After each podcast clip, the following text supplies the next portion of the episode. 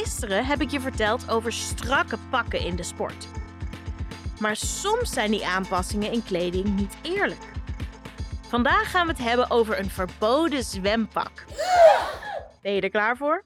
We beginnen bovenaan met poetsen. Op je plaats, klaar voor de start? De ontwerpers van sportpakken laten zich regelmatig inspireren door de natuur. Een goed voorbeeld daarvan is het Laser Racer zwempak van Speedo.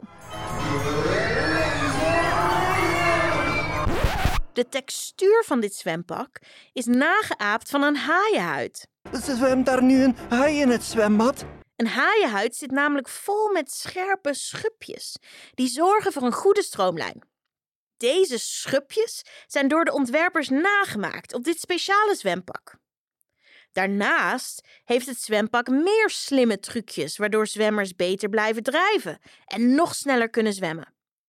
Zo snel dat tijdens de Olympische Spelen in 2008 bijna alle gouden zwemmedailles naar zwemmers gingen met dit speciale zwempak aan.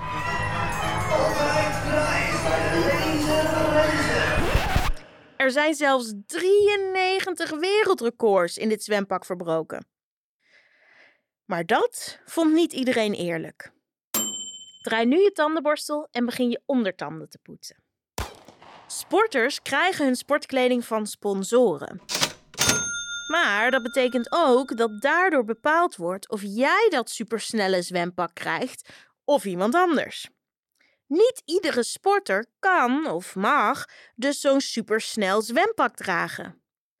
En het merk dat het zwempak gemaakt heeft, houdt hun trucjes natuurlijk geheim.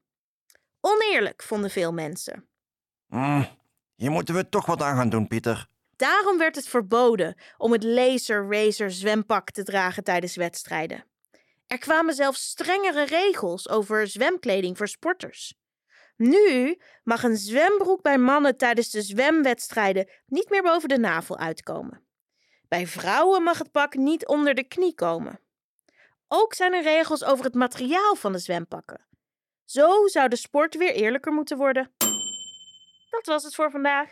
Spuug je tandpasta uit en spoel goed je mond. Tot morgen!